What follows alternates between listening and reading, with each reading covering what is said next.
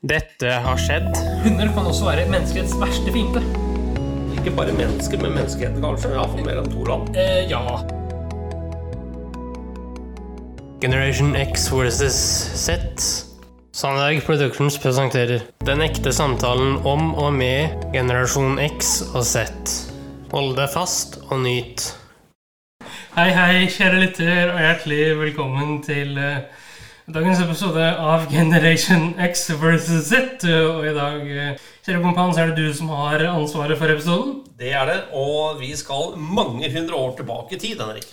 Ja, eh, og bare så det er sagt, da, for den eh, gjengse og nye lytter, så er det her en eh, serie om rare kriger.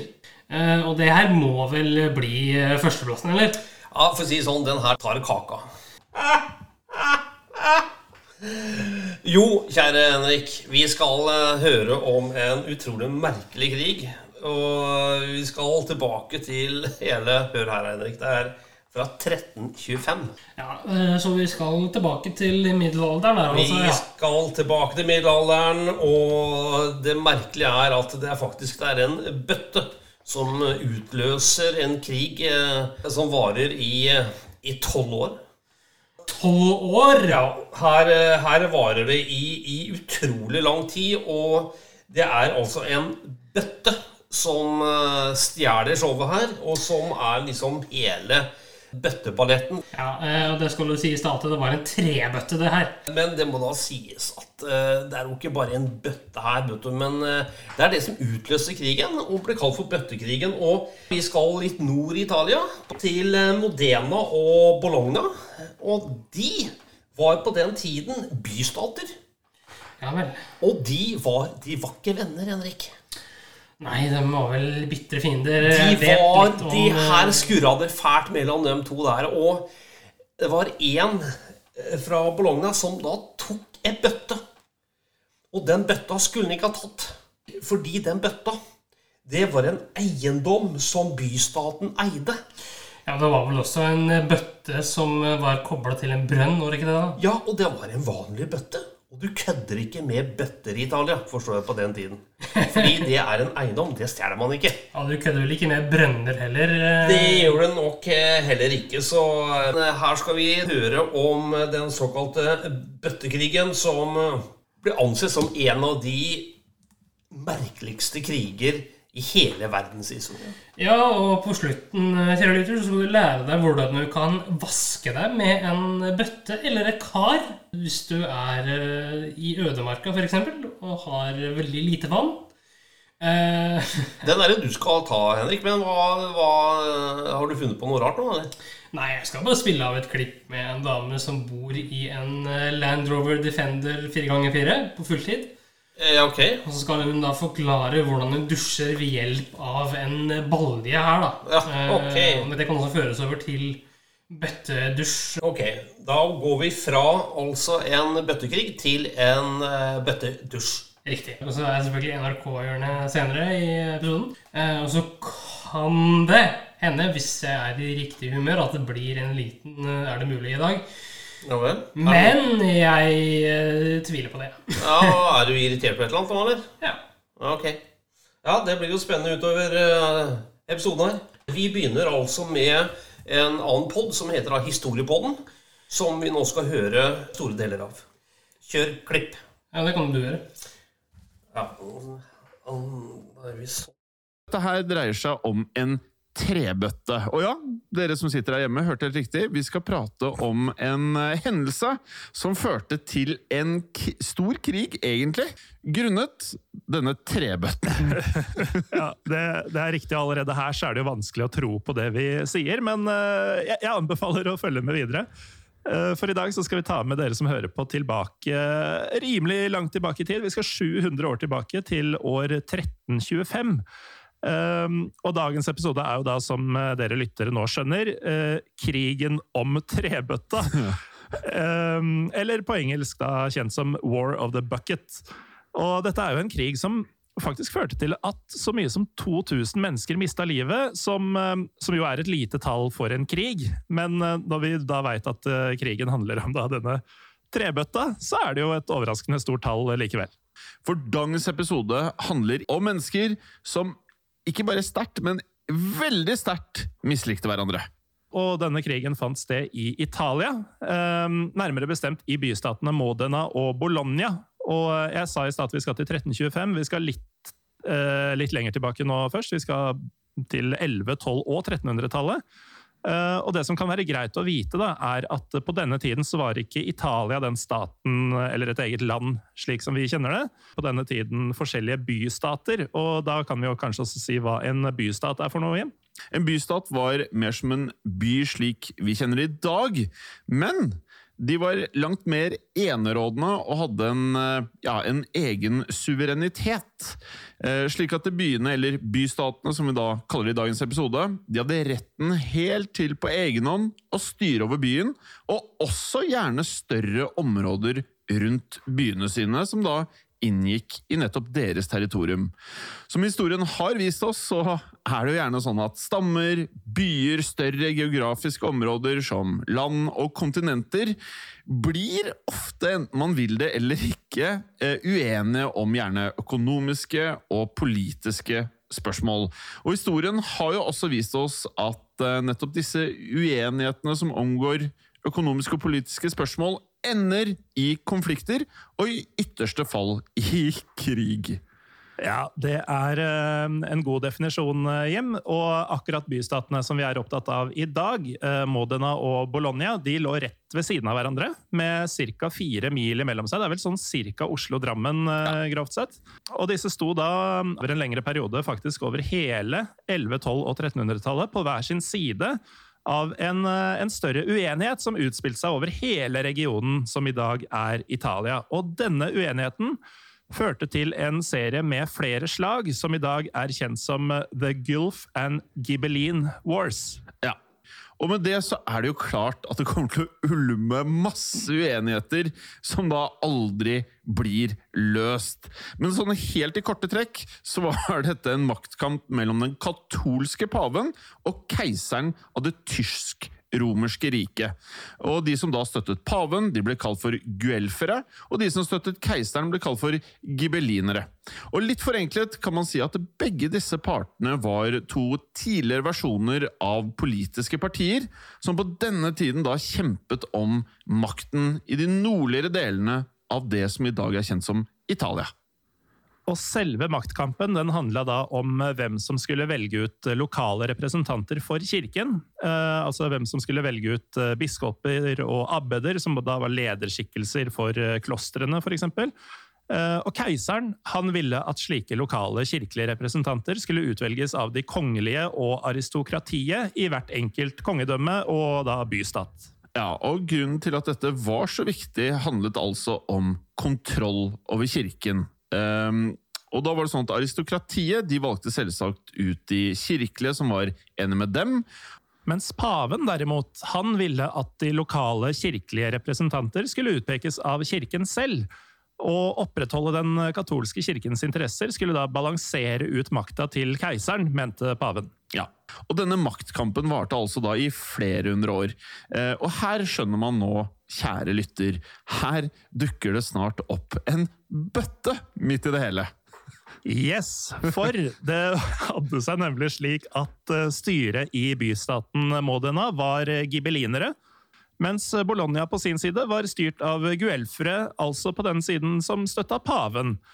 Eh, så bidro det til at de sto på hver sin side, og at de var naboer. Eh, disse to tingene eh, kokte jo da sammen til et intenst hat.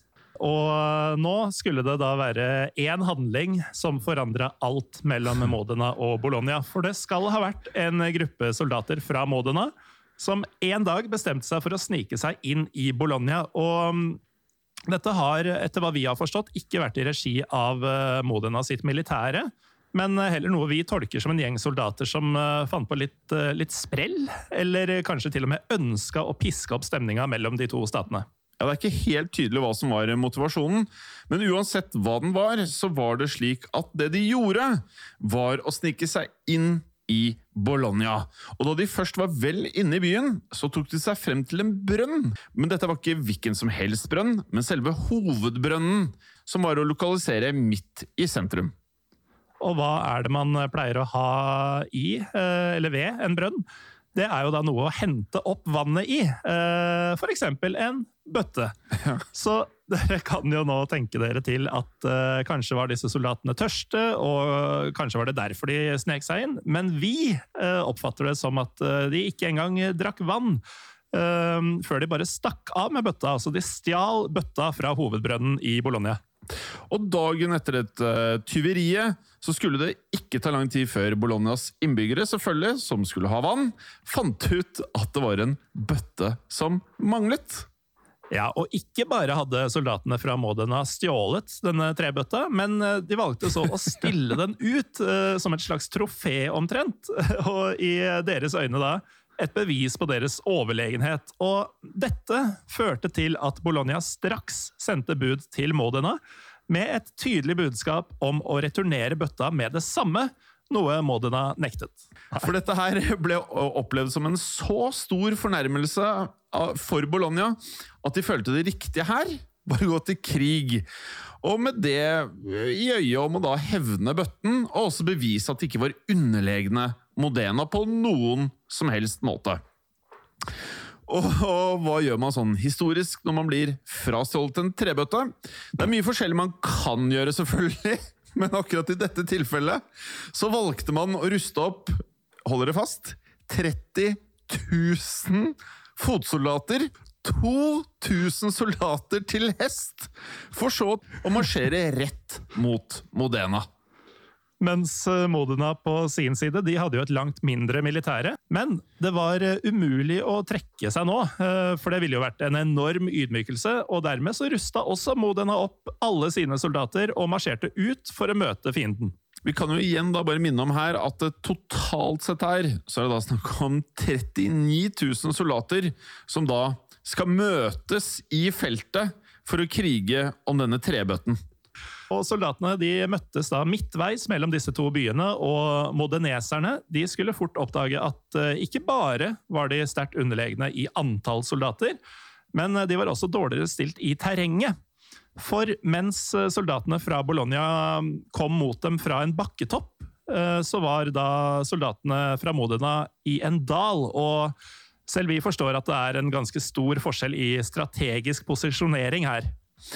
Og det er her vi gjerne skulle ønske at vi hadde litt mer detaljer om akkurat hva som skjedde i denne krigen. Men det vi vet, er at selv om moderneserne var i dette kraftige mindretallet og nede i dalen, altså i et dårligere terreng, så vant de faktisk dette slaget.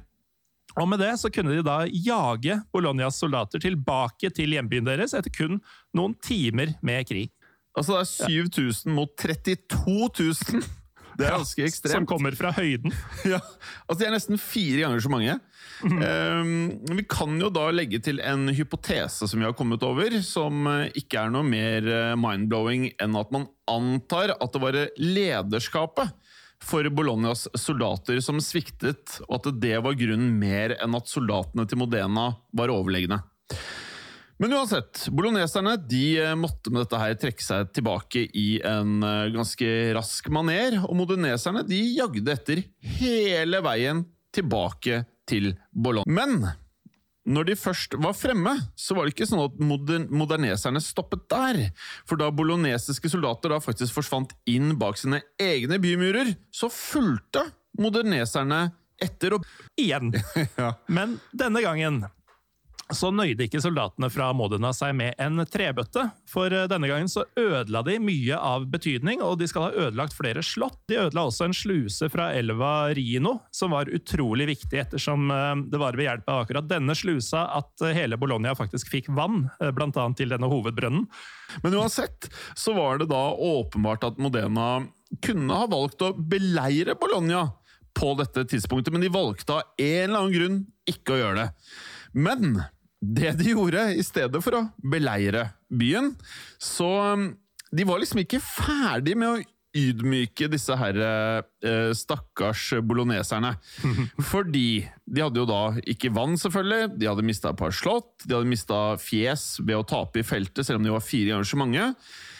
Det som nå skjedde, det var at de utenfor byportene valgte å orkestrere en parade. Så skulle man da ha et stort skuespill i denne paraden.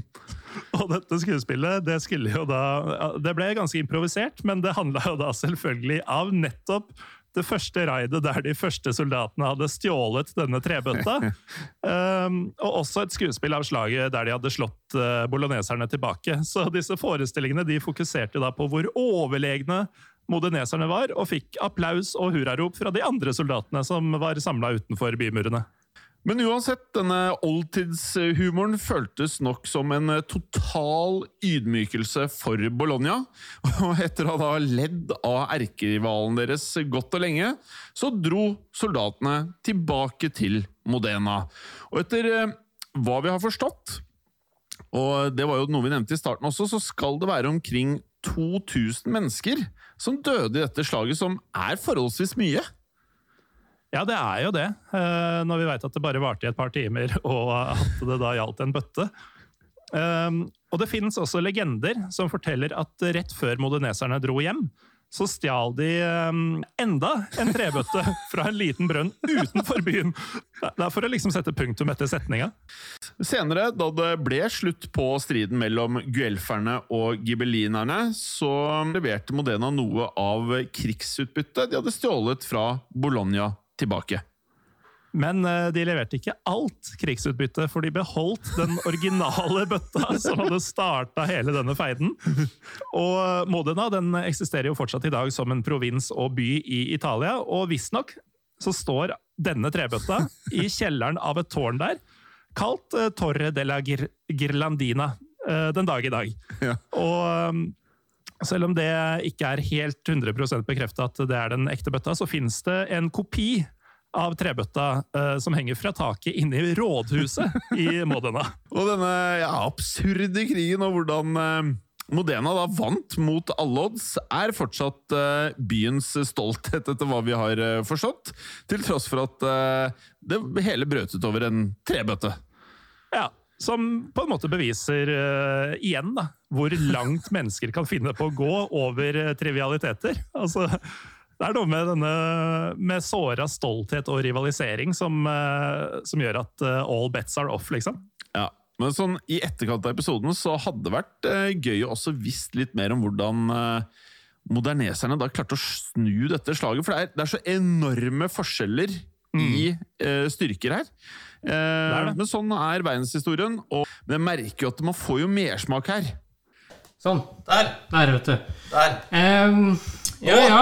Hva, hva, tenker du nå? Nei, uh, altså uh, Det var jo en veldig morsom, underholdende krig. Ja. Uh, så ja.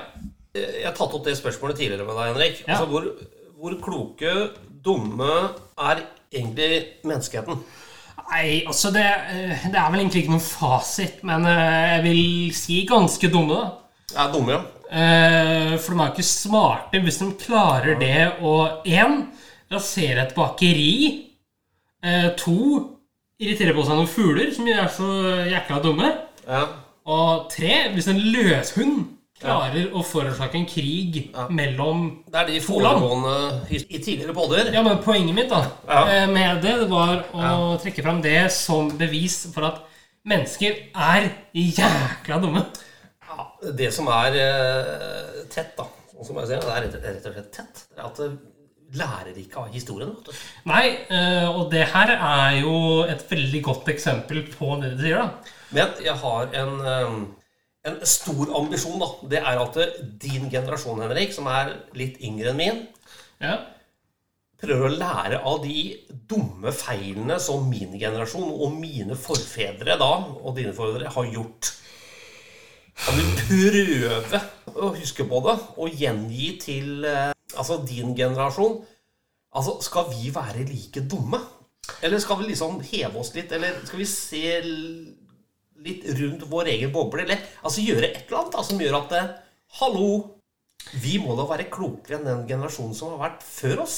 Altså, Ja, vi har det på tape nå, så Ja, Kan ikke du bare kline til med det? da?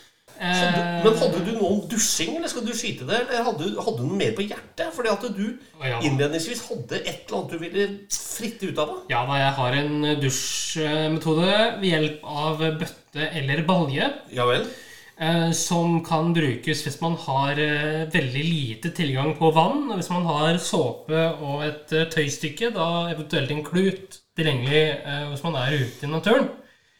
Ehm, så vi skal bare kjøre det nå, da, tenkte jeg. Ja. I want to introduce you to a showering method that I myself am very fond of and I use all the time if I'm in an area with no running water. This is, ladies and gents, a bucket. And the kind of shower that we take with a bucket is called a bucket shower. this is actually a pretty authentic vintage bucket from, I think, communist Poland. Now, I don't know if I really need to explain to you guys how a bucket shower works, but for the sake of it, let's do a little guided tour.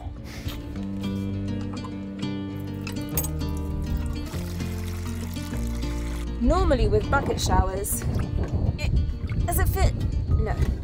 Normally with bucket showers, I think it's easiest to just grab like a piece of cloth like this and sort of like dip it, a little towel, like a little sponge kind of thing, dip it in the water, and then just massage the water in, you know, just wash yourself if necessary. Add a bit of natural soap. Da-da, da-da. I'm just gonna do this for demonstration. I'm not actually taking a shower, but you know, I want you to feel that this is real and authentic content. It is how I would normally shower. Easy. The only disadvantage is you then have to wash your little towel, wait for it to dry, Ja da. Det minner meg litt om når jeg var liten guttunge. Ja, eh, det er jo en litt sånn barneaktig dusj, det her. Men eh, eh, her er det jo snakk om å overleve, ikke ha det hyggelig. Ja. Så hun var jo ute i naturen, jeg tror det var i Montenegro eller Albania når hun filma det der. Ja. Eh, som sagt så bor hun da i en eh, Land Rover Defender 4x4 på fulltid. Det er ikke stort, men eh, det går, det. Ja da. Eh, jeg vil anbefale deg nå, serielytter, etter du er eh, ferdig hørt med denne episoden her, gå inn på YouTube og søke opp Eva Zubek. God kvalitet eh, der. Reiseinnhold, altså. Anbefales på det sterkeste der, altså. Mhm. Hadde du mer på hjertet da? For at eh, du var så gira når vi begynte i stad. Ja da, jeg har det, vet du.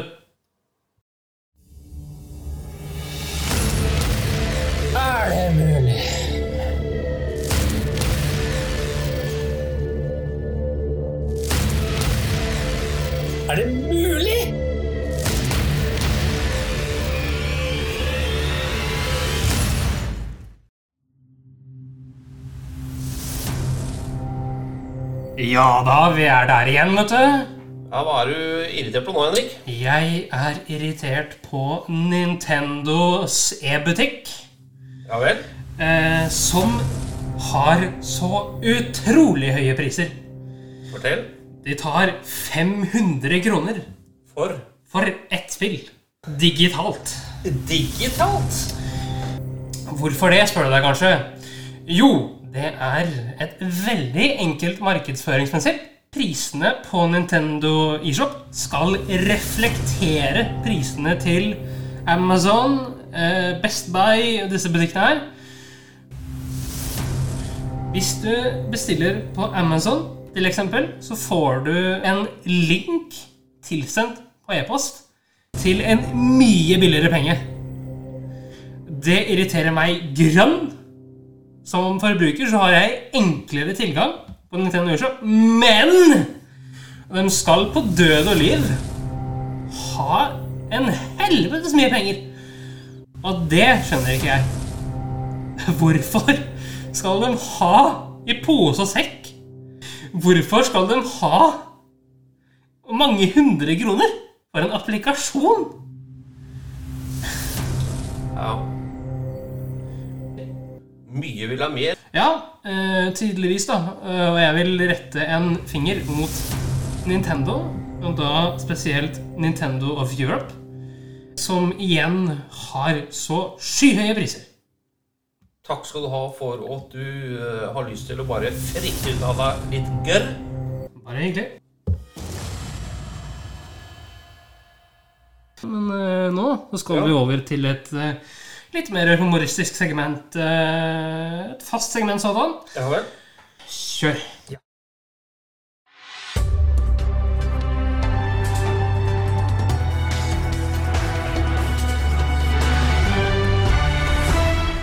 NRK-hjørnet.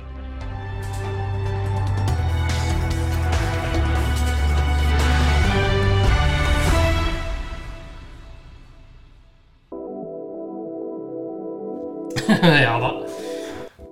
Eh, vi snakker selvfølgelig om NRK-hjørnet, der jeg eh, tar for meg Norges statskanal, bedre kjent som Norsk Rikskringkasting. Du har en sånn god sånn rrr på den der, Henrik. ja da. Eh, I dag så skal vi til litt humor rundt pølseselgere. Ok.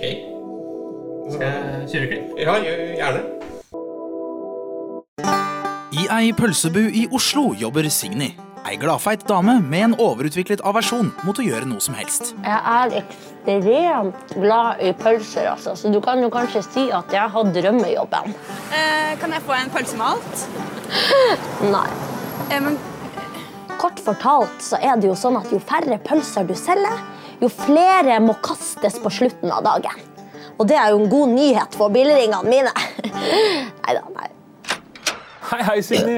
Oi, sjefen! Hei. Jeg har en liten pause. Ja, pause, ja.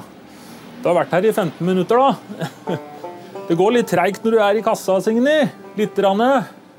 Eh, Den bua her den har gått fra generasjon til generasjon. Da, I mange generasjoner. da. Yes. Generasjon på generasjon, for å si det sånn. Altså, det siste jeg vil, er jo å miste jobben. Ikke sant? Så her må det gjøres noe. Hva da? Altså, jeg tror jeg må legge skylden på noen andre enn meg sjøl. Hei, jeg skulle gjerne hatt en grillpølsebrød. Du skal ikke ha lompe, altså? Nei.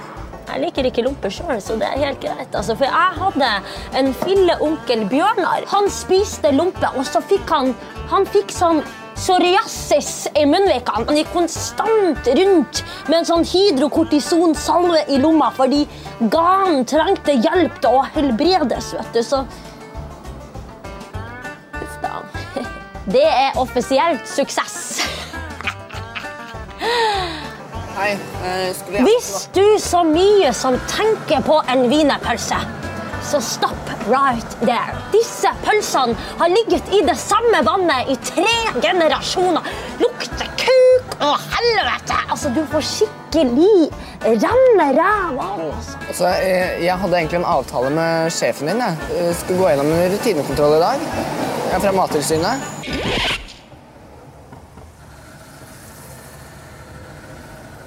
Hallo? Ja, ja.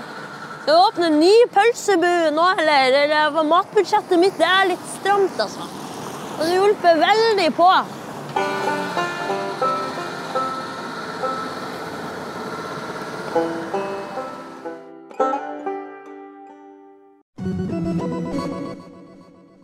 Ja da. Det var eh, ja. Ja, det var fint. Det har noe med rekrutteringsprosess, kjære sønn. ja, og du eh, jobber jo med det i det, i det daglige, så du eh, Ja, jeg så du eh, konsentrerte deg veldig under innslaget der. eh. Ja, eh, det var, det var kostelig, da. Det var morsomt. Ja, eh, og med det så Jeg syns det vært en herlig tid. Flott pod deg, min. Og eh, jeg bare gleder meg til eh, neste pod. Ja, det blir bra, det. Og for å tease litt da, til lytterne, så skal vi ta for oss podkastens modermedium. Det er radio. Radio. Og vi skal til en eh, meget kjent forfatter som eh, lager eh, krisestemning og Ja, han leser vel først og fremst opp det som skaper panikk her. Ja. Han lager det ikke, for det var en annen som lagde det. Ok. Men han leser det opp og gjør det med brask og bram. Ja. Du bør vel egentlig ikke si så mye mer.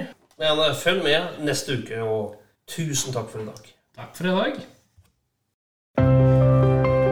Tusen takk for at du fulgte oss. Eh, Gi gjerne tilbakemelding, likes eller kommentar på Facebook-siden vår Generation X versus Z. Velkommen igjen til neste podkastepisode. Hei då!